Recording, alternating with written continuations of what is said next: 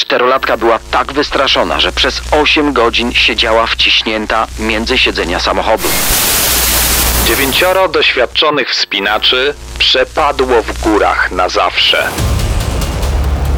Płatni zabójcy, seryjni mordercy i sceny zbrodni w RMFFM. Pojemny plecak górski jest. Wzmocnione czekany są, długie liny wspinaczkowe także, czyli jesteśmy gotowi. No to ja jeszcze przygotowałem termos z herbatą, jakieś przekąski, no i oczywiście wygodne buty. No to ja mam takie ciepłe klapki. No tak, kapcie się przydadzą. W końcu zaczynamy wyprawę w mordercze góry, ale wyprawę w stylu scen zbrodni. Daniel Dyk, I Kamil Barnowski. Zapraszamy. lepiej nie schodźcie ze szlaku. Daniel Dyk i Kamil Barnowski prezentują sceny zbrodni w RMFFM. Dzisiaj w scenach zbrodni, korzystając z nie najgorszej pogody, zabieramy was w góry. No, niektórzy być może z gór wracają, a tu trzeba będzie nawracać. Nie, nie, my tak pod natchnieniem ekipy z Nepalu, która w styczniu jako pierwsza zdobyła K2 zimą, y, też dzisiaj wyruszamy za was i dla was. Spakowaliśmy plecaki, no trochę mniejsze niż ta ekipa z Nepalu, ale za to pełne mrocznych historii, które skrywają wysokie szczyty. A propos, przypomniała mi się historia z 91 roku. Wspinacze w Wysokich Alpach trafili na zwłoki zamarznięte w lodzie. Sprawę zgłosili, ciało zostało wydobyte i okazało się, że mężczyzna zginął od strzału w plecy. Strzału z łuku, a zamarzł jakieś 5,5 tysiąca lat temu. Także zbrodnie w górach mają niestety bardzo długą historię. No, kto wie, czy to nie było pierwsze morderstwo w górach, a u nas za to będzie najnowsza historia z Alp. Niewyjaśnione zabójstwo rodziny. Czy to była afera szpiegowska, czy może rodzinne zatargi? Będzie też historia amerykańskiej góry morderstw. Opowiemy również o tragicznej śmierci fotoreporterki z Krakowa, która zginęła w Tatrach. Ale na początku spróbujemy zmierzyć się z niewyjaśnioną zagadką wyprawy studentów w góry Ural. Ta historia jest szerzej znana jako tragedia na przełęczy Diatłowa. Tylko u nas najnowsze fakty w tej sprawie. No to już wiadomo, że warto zostać z RMFFM. To są sceny zbrodni w RMFFM. To jest też ten moment, żeby przypomnieć, iż nie jest to program dla każdego. To są sceny zbrodni w radiu RMFFM i dzisiaj zabieramy Was na wyprawę w góry, ale taką w naszym stylu. Czas teraz na tragedię na przełęczy Diatłowa, jedna z najbardziej tajemniczych spraw w historii. Dziewięcioro młodych ludzi umiera w bardzo dziwnych okolicznościach. Tak naprawdę po ponad 50 latach nadal nie wiemy, co tam się wydarzyło.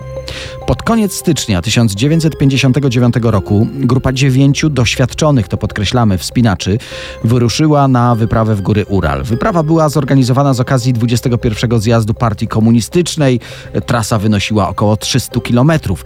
W skład ekipy ekspedycyjnej wchodzili studenci i absolwenci Politechniki w Swierdłowsku. Wszyscy mają na koncie wiele zimowych wypraw górskich, dodatkowo wędrowali w towarzystwie bardzo doświadczonego przewodnika górskiego, dobrze, doskonale wręcz znającego okolice. Wyprawa więc na pierwszy rzut oka bardzo dobrze zorganizowana.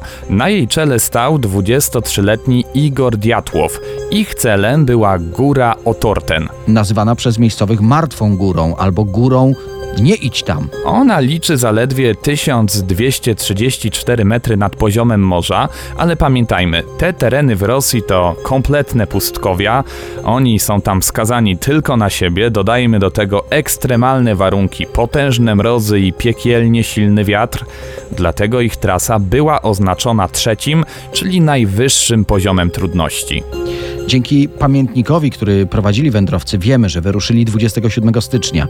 Przez następne trzy dni szli wzdłuż przepływających tamtędy rzek. 31 stycznia zbudowali prowizoryczny schron, w którym zostawili część ekwipunku, potrzebny im przy powrocie ze szczytu.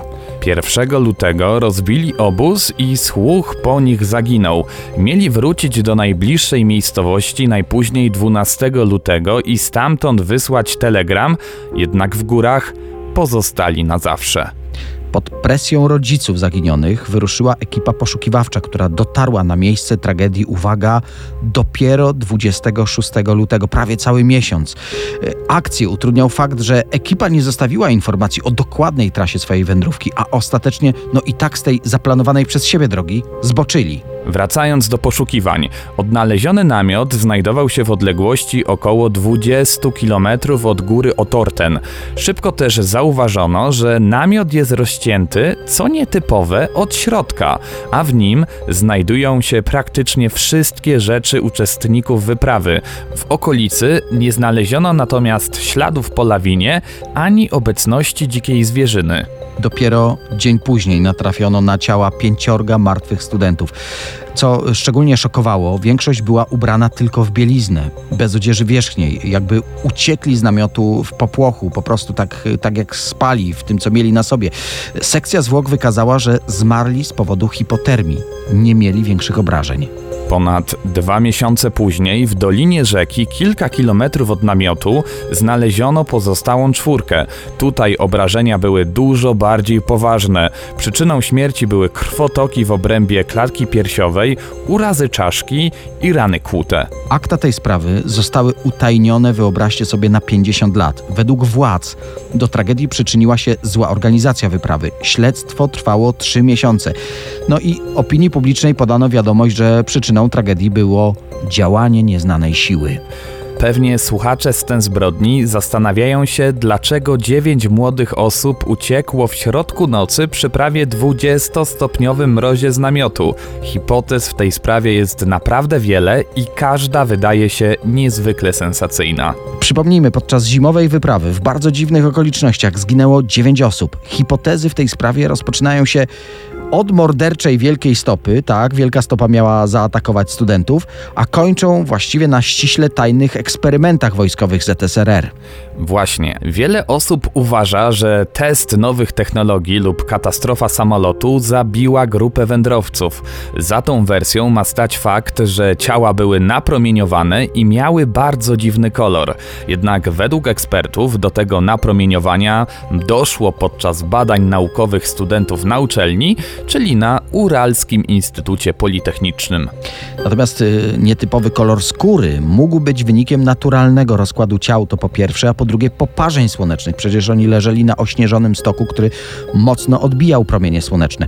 Niektórzy uważają, że przyczyną śmierci mógł być jakiś tajemniczy wybuch. Na to miałyby z kolei wskazywać obrażenia płuc studentów. Istnieje też teoria, że to lokalni mieszkańcy tych dzikich terenów zaatakowali wędrowców, którzy wtargnęli na ich ziemię. Jeśli dodamy do tego, że celem wyprawy była góra znana pod nazwą Martwa Góra, a obóz rozłożyli obok szczytu nazywanego Górą Umarłych, no ta teoria staje się naprawdę sensacyjna. Jednak lokalni mieszkańcy nazywani mansami są raczej pokojowo nastawieni. Nigdy wcześniej i dodajmy to też nigdy później turystów nie atakowali. Wersji tutaj jest naprawdę sporo, ale skupmy się może na tej, która naszym zdaniem jest najbliżej prawdy. To jest wersja, według której lawina uderzyła w namiot. Część uczestników w wyniku tego uderzenia doznała bardzo poważnych obrażeń, pęknięcie czaszki albo zmiażdżenie żeber, natomiast resztę zmusiło to do ucieczki, a ostatecznie doprowadziło do śmierci z powodu hipotermii. Zresztą podobnie uważała rosyjska prokuratura, która w 2019 roku wznowiła śledztwo w tej sprawie po latach. Trafiliśmy na informację, że tak naprawdę od 59 roku śledczy skłaniali się właśnie do tej wersji, jednak no, tej hipotezy nie potrafili udowodnić. I tutaj z odsieczą przybywają naukowcy. Niecały miesiąc temu profesor Johann Gaume z Lozany i profesor Aleksander Puzrin z Zurichu, to są dwaj specjaliści od lawin i od geologii, opublikowali wynik swoich badań. Dzięki przeprowadzonym symulacjom komputerowym udowodnili, że mimo małego nachylenia terenu, no bo na takim właśnie rozbito namiot, możliwe było wystąpienie małej lawiny płytowej. Jak wiemy, y, uczestnicy wyprawy wykopali w ścianie śniegu zagłębienie, w którym rozłożyli namiot. Tym samym mogli przeciąć w poprzek ośnieżone zbocze góry. I tak występujący w tym terenie specyficzny wiatr nawiał przez noc sporą ilość śniegu nad namiotem, co właśnie mogło doprowadzić do zejścia lawiny. Ratownicy, którzy dotarli na miejsce, nie zauważyli śladów po lawinie, no to dlatego, że od tragedii minęło 25 dni. Opad śniegu i wiatr zatarł wtedy wszystkie ślady. Wiele wskazuje na to, że właśnie ten zbieg okoliczności, wspomniany wiatr i specyficzne warunki tego terenu były właśnie tą nieznaną siłą, o której w 1959 roku napisali śledczy.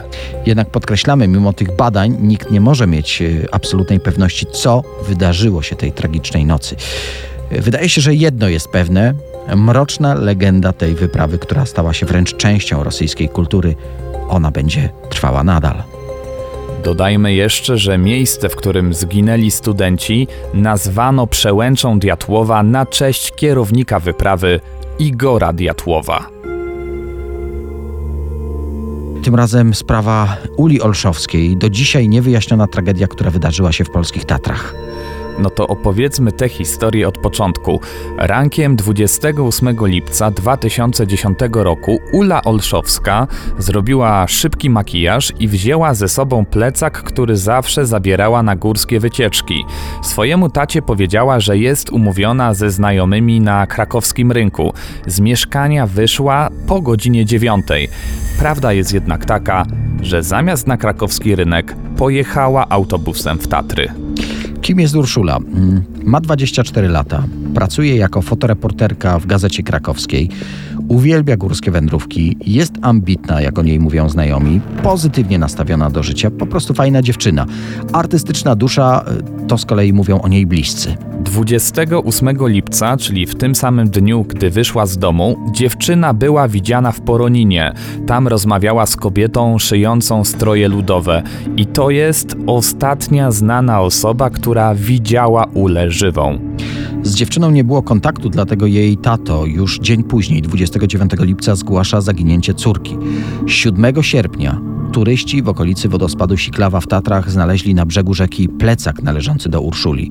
W środku znajdowały się jej dokumenty, jej karty bankomatowe i wyłączony telefon komórkowy. Ponad miesiąc później, 15 września, ratownicy Topru w potoku Rostoka natrafili na ciało poszukiwanej dziewczyny. Miejsce, gdzie znaleziono ciało, było oddalone zaledwie 150 metrów od miejsca, w którym leżał jej plecak. Dodajmy też, że ciało Urszuli w wodzie było półnagie. Wynik sekcji zwłok wskazywał, że kobieta nie mogła zginąć w wyniku upadku z dużej wysokości. Jednocześnie specjaliści nie wykluczyli, że przyczyną śmierci mogło być uduszenie lub utopienie. Wszystko wskazuje na to, że kobieta zginęła 29 lipca 2010 roku. Postępowanie wyjaśniające śmierć Urszuli zostało umorzone w grudniu 2011 roku. Według śledczych kobieta najprawdopodobniej poślizgnęła się lub straciła przytomność, wpadła do wody, a tam ostatecznie się utopiła. Jednak znaków zapytania w tej sprawie jest naprawdę dużo. No to pierwszy z tych dużych znaków zapytania. Dlaczego tak późno znaleziono ciało Urszuli? Znajdowało się przecież, y, jak wspomniałeś, zaledwie 150 metrów od plecaka. Kolejny znak zapytania. Śledczy przez dwa miesiące nie przeszukali okolicy, gdzie trafiono na ciało tej fotoreporterki. To dlatego, że funkcjonariusze nie mieli przeszkolenia wysokogórskiego. Przez ten czas kluczowe ślady mogły zostać zatarte przez warunki atmosferyczne.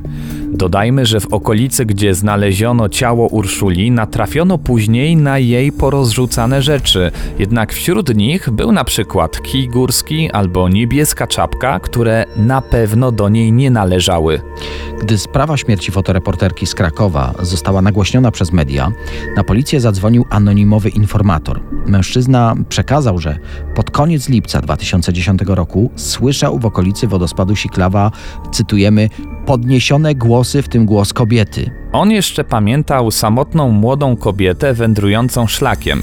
Za nią miał iść mężczyzna z córką i z tego co mówił, ten mężczyzna wysłał swoją córkę do schroniska, natomiast on sam poszedł za młodą kobietą.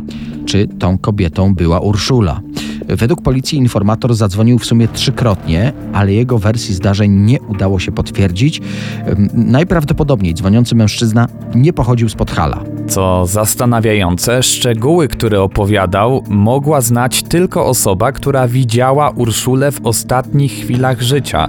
I tutaj od razu pojawia się pytanie, czy ten mężczyzna ma coś wspólnego ze śmiercią młodej fotoreporterki, albo był świadkiem ostatnich chwil jej życia. Zaledwie kilka miesięcy temu, w grudniu 2020 roku, pojawiły się nowe informacje, że prokuratura krajowa od kilku miesięcy analizuje akta w sprawie śmierci Urszuli Olszowskiej. No miejmy nadzieję, że ta mroczna historia, która wydarzyła się w polskich górach, wkrótce zostanie ostatecznie rozwiązana. No to teraz najwyższe góry Europy, czyli Alpy i niezwykle głośna zbrodnia z 2012 roku. Dokładnie Francja, niewielka malownicza miejscowość Chevalin, piękne widoki, malownicza trasa wśród gór, lasów, to wszystko w pobliżu jeziora Annecy i 5 września 2012 roku wybrała się tu piątka turystów z Wielkiej Brytanii, dokładnie rodzina irackiego pochodzenia. Za kierownicą samochodu siedzi 50-letni Saad Al-Hili. W samochodzie są jeszcze jego 47-letnia żona Iqbal wraz z córeczkami, 4-letnią Ziną i 7-letnią Zainab oraz 74-letnia teściowa kierowcy Suhaila Al-Alaf. Nagle około godziny 15.30 ich sielankowa wyprawa turystyczna zmienia się w piekło. Właśnie, nie wiemy co dokładnie się stało. Mimo, że minęła blisko dekada od tej tragicznej zbrodni, nie ma pewności, co wydarzyło się i z jakiego powodu spotkało tę rodzinę. Śledczy przyjmują, że do rodziny strzelał profesjonalista, prawdopodobnie płatny morderca. Zdaniem policji bordowe rodzinne BMW zatrzymało się w zatoczce przy tej malowniczej drodze. Z samochodu wysiadł kierowca oraz jego siedmioletnia córka. I wtedy pojawił się zabójca. Otwiera ogień. Kule z jego pistoletu trafiają ojca rodziny, ranią córkę w ramię, trafiają także w kobiety siedzące w samochodzie. Wtedy najprawdopodobniej drogą nadjechał przypadkowy świadek, dokładnie francuski rowerzysta, 45-letni Sylvien Moulier. Zabójca strzela w jego kierunku. W tym czasie ranny kierowca wraca do auta, blokuje drzwi, wrzuca wsteczny i próbuje nawrócić, by uciec z parkingu. Jednak robi to w panice. Koła trafiają na grząski grunt, buksują. Zabójca więc ma czas, by dobiec do samochodu. Nadal strzela z bardzo bliska. Kule trafiają w kierowcę, tym razem postrzały są śmiertelne. Pociski zabijają także jego teściową i żonę, które siedzą na tylnym siedzeniu. Dla pewności zabójca każdej z ofiar strzela po dwa razy w głowę, stąd podejrzenie, że to robota profesjonalnego killera. Jak sami słyszycie, zabójca nie ma skrupułów. Podbiega potem do rannej dziewczynki i uderza ją niezwykle mocno w głowę. Siedmiolatka traci przytomność i pada na ziemię. Zabójca uznał, że prawdopodobnie już nie żyje. Na szczęście nie zauważył młodszej z córek. Czterolatka ukryła się między fotelami, zasłoniła się spódnicą mamy. I właśnie, czy naprawdę tak wszystko to wyglądało? Czy to rodzina była celem, a może rowerzysta zginął, bo znalazł się w niewłaściwym miejscu i w niewłaściwym czasie? A może to zlecenie było na tego cyklistę, a rodzina jako przypadkowi świadkowie musieli zginąć? Nie wiemy, co wydarzyło się przez ten kwadrans. O 15.45 przejeżdża tamtędy na rowerze inny turysta, brytyjski, widzi miejsce zbrodni i zawiadamia policję. Śledczy ustalają, że trójka dorosłych w aucie nie żyje, ale siedmiolatka daje znaki życia. Karetka zabiera ją do szpitala, z ciężkim postrzałem udaje się jej przeżyć. Policjanci potem zabezpieczają miejsce zbrodni, nikt postronny nie ma prawa zbliżyć się do samochodu. Po 8 godzinach od zabójstwa ustalono, że rodzina wybrała się do Francji w piątkę. Trójka dorosłych zginęła, starsza córka w szpitalu walczy o życie. Gdzie jest młodsza z córek? Czy zabójca porwał ją, a może również zastrzelił i porzucił gdzieś ciało? Mimo, że już prawie północ, zdecydowano, by kolejny raz przeszukać auto. Wyobraźcie sobie, czterolatka była tak wystraszona, że przez te 8 godzin siedziała wciśnięta między siedzenia, skulona, cichutko, ukryta pod spódnicą martwej mamy. Ona przeżyła wielogodzinny koszmar. Ale przeżyła. Ona i jej siostra, której życie ostatecznie lekarze uratowali. Dlaczego zginęli rodzice dziewczynek? Ich babcia i rowerzysta. Już za chwilę w scenach zbrodni główne hipotezy francuskiej policji i zaskakujące kierunki śledztwa. Wracamy we francuskie Alpy, miejscowość Chevalin, wrzesień 2012. Morderca do wynajęcia zabija iracko-brytyjską rodzinę i francuskiego rowerzystę. Ale mówisz morderca, a to nie jest pewne. Odkryto, że strzały padły z dwóch rodzajów broni, albo zabójca strzelał z obu, albo co jest też brane pod uwagę, było dwóch killerów. Świadkowie nawet widzieli, o kogo może chodzić. Zapamiętali, że w porze morderstwa przejeżdżał tą drogą brodaty motocyklista oraz jakieś nowoczesne terenowe auto. Zapamiętano, że oba pojazdy jechały za szybko jak na tę krętą drogę, więc może, może uciekali z miejsca zbrodni. Wyobraźcie sobie, po ponad roku śledztwa udało się zidentyfikować motocyklistę dokładnie po kasku. Śledczy ustalili, że to limitowana seria, wyprodukowano ich tylko kilka tysięcy, więc udało się namierzyć właściciela jednego z nich. Rzeczywiście jechał tamtędy w dniu zabójstwa. Okazało się, że jest to lokalny przedsiębiorca o nieposzlakowanej opinii. Tego dnia po prostu wracał z latania na paraglajdzie. Wypuszczono go bez postawienia mu zarzutów. Natomiast kierowcy terenowego auta do dziś nie odnaleziono i nie wiadomo, czy to jest w ogóle właściwy trop. Brano też pod uwagę, że ten rowerzysta, ten, który zgłosił morderstwo, to on mógł być zamieszany w zabójstwo, bo to też Brytyjczyk. No, przypadek, że znalazł się w okolicy, gdzie zabito jego rodaków, może to właśnie on zabił, a później dla niepoznaki zawiadomił policję. Pierwszym aresztowanym w tej sprawie był brat kierowcy Zaid al-Hili. Brytyjscy przyjaciele zamordowanej rodziny zeznali, że mm, no, bracia mocno się kłócili o spadek po zmarłym ojcu. Znaleziono także list, w którym zamordowany Saad opisał, jakim despotą jest jego brat Zaid i jak próbował przejąć majątek ojca. W grę wchodził m.in. dom, więc bracia prowadzili o to zaciętą batalię. Odkryto również, że przed morderstwem Zaid dzwonił kilkakrotnie do kogoś w Rumunii. Założono, że zabójca mógł pochodzić właśnie z tego kraju.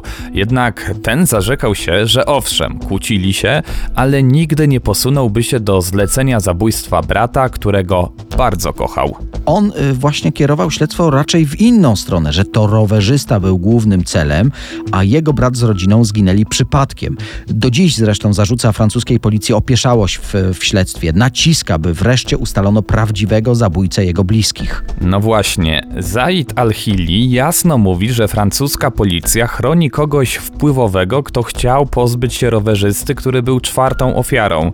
Twierdzi, że Sylvian Molière pochodził z bogatej rodziny i w tamtej francuskiej rodzinie, no to tam dopiero były kłótnie. Śledczy jednak przyjęli, że to ten iracko-brytyjski inżynier był głównym celem, przemawiał zatem kolejny trop. W Wielkiej Brytanii Sad al-Hili pracował w jednej z największych w Europie firm zajmujących się nowymi technologiami wojskowymi. Brano pod uwagę, że mógł być w posiadaniu jakiejś tajemnicy firmowej dotyczącej przełomowej broni. Był jeszcze jeden trop. Wyciekły dane, że Al-Hili może być w posiadaniu dostępu do tajnych kont byłego prezydenta Iraku Saddama Husajna. Szwajcarscy śledczy odkryli nawet, że kilka dni wcześniej odwiedził jeden z banków w Genewie. O zabójstwo rodziny jest także podejrzewany mieszkający 30 km od miejsca tej zbrodni były żołnierz, 34-letni mężczyzna. On został aresztowany za zabójstwo innego żołnierza oraz za porwanie 9-letniej dziewczynki z okolicy. Może to więc siedmioletnia córka państwa Al-Hili była jego celem. Takie były plotki po okolicy. Pobił ją, próbował porwać, a gdy coś poszło nie tak, rodzice sprzeciwili się, zostali zabici. Ale na potwierdzenie tej teorii też nie udało się zebrać mocnych dowodów. W tej okolicy już wcześniej dochodziło do napadów rabunkowych na turystów, ale wcześniej nigdy nie użyto broni palnej. Brano też pod uwagę, że to po prostu jakiś psychopata zaatakował rodzinę. No nasi słuchacze zastanawiają się pewnie, a co zapamiętały obie córki państwa Al-Hili, które w końcu przeżyły ten atak? Dziewczynki nie potrafią podać żadnych szczegółów. Postrzelona i pobita siedmiolatka nie pamięta absolutnie niczego z chwili napadu, totalna amnezja. Za to czterolatka, która na 8 godzin ukryła się między siedzeniami, zapamiętała jedynie, że ktoś strzelał. Musimy też powiedzieć w takim razie o historii najnowszej tak zwanej góry morderstw. Nazwa niewielkiego wzniesienia wzięła się od pary seryjnych morderców. Amerykańskie małżeństwo Carsonów ukrywało się przed wymiarem sprawiedliwości na okolicznym rancho Sequoia, właśnie w pobliżu tej góry na przełomie lat 70. i 80. Ale o ich krwawych poczynaniach powiemy w którymś z kolejnych programów, gdzie będziemy chcieli przedstawić Wam naprawdę zabójcze pary. Teraz, jak wspomniałeś, bliższe nam czasy, lata 2000 i zła sława góry morderstw, ona teraz powraca. Jesteśmy w Stanach Zjednoczonych, konkretnie Kalifornia, stan, który od razu kojarzy się nam z filmową krainą marzeń, czyli Hollywood, z bajecznie drogimi rezydencjami największych sław świata. No i te plaże Los Angeles, prawda? Malibu, Venice Beach, Ocean Beach w San Diego, Santa Monica. Miejsca, gdzie słońce świeci przez prawie 300 dni w roku, ale tam, gdzie słońce, tam także cień. No właśnie, Kalifornia to między innymi również leżące na północy hrabstwo Humboldt. No to jest tak zwany dziki region amerykańskiego zachodu. Niewysokie góry, potężne obszary lasów, których nikt do końca nie zbadał. Doliny rzek i strumienie pełne meandrów, tysiące miejsc, w których człowiek może przepaść bez śladu i przepada. Humboldt ma jeden z najwyższych wskaźników zaginięć, szczególnie wspomniany region tzw. Tak morderczej góry, to są okolice Alder Point.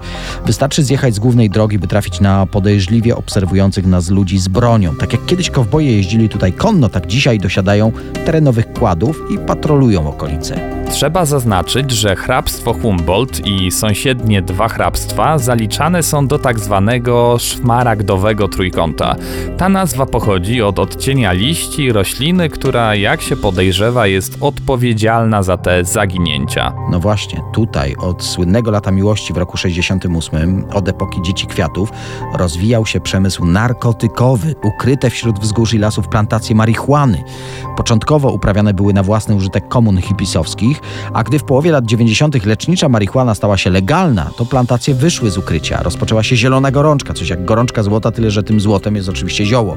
Biznes stał się wtedy oficjalny, a jednak bardzo drogi. Licencje, podatki, dlatego wielu plantatorów postanowiło pozostać w cieniu. Stosując prawo dzikiego zachodu, ich plantacje nadal są ukryte w tych górskich lasach, dzięki czemu płacą albo minimalne podatki, albo nie płacą ich wcale. No, po prostu raj dla gangów i narkotykowych karteli, które zaczęły przejmować plantacje tak zwanych lokalsów. Lokalsi, e, nazwani też oldtimerami, bo pamiętali jeszcze początki upraw w hipisowskich komunach, musieli z bronią walczyć o swoje plantacje. Zaczęła się prawdziwa wojna o wpływy, wtedy wzrosła liczba zabójstw. Obecnie sytuacja powiedzmy się uspokoiła, ale pojawiła się nowa plaga plaga zaginięć.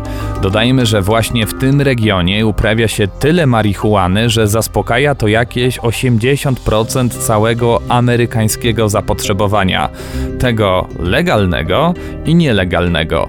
Uprawa konopi przyciąga w ten rejon setki młodych ludzi, którzy widzą w tym swoją pracę marzeń. Chętnie zatrudniają się na plantacjach do tak zwanego trymowania, czyli przycinają pędy konopi. Nieźle płatna robota, ci najsprawniejsi potrafią zarobić 300 dolarów dziennie, a przy tym pod ręką nieograniczone ilości legalnego towaru do użycia.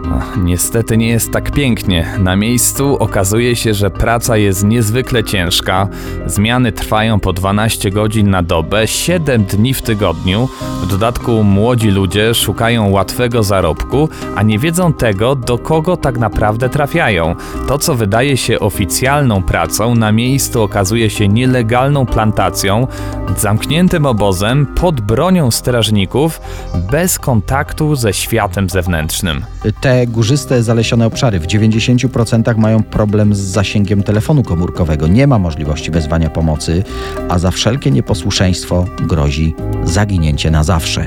I rzeczywiście, okoliczne miasteczka wokół góry morderstw oklejone są plakatami ze zdjęciami młodych ludzi, którzy z tej pracy marzeń już nigdy nie wrócili. Sceny zbrodni w RMFFM.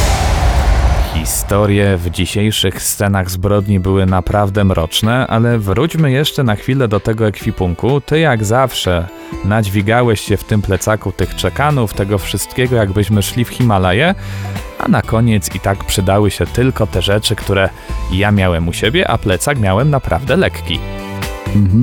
Mów dalej, bo nie wypada, żebym mówił z buzią pełną ciasteczek. No to zapraszamy naszych słuchaczy już za tydzień.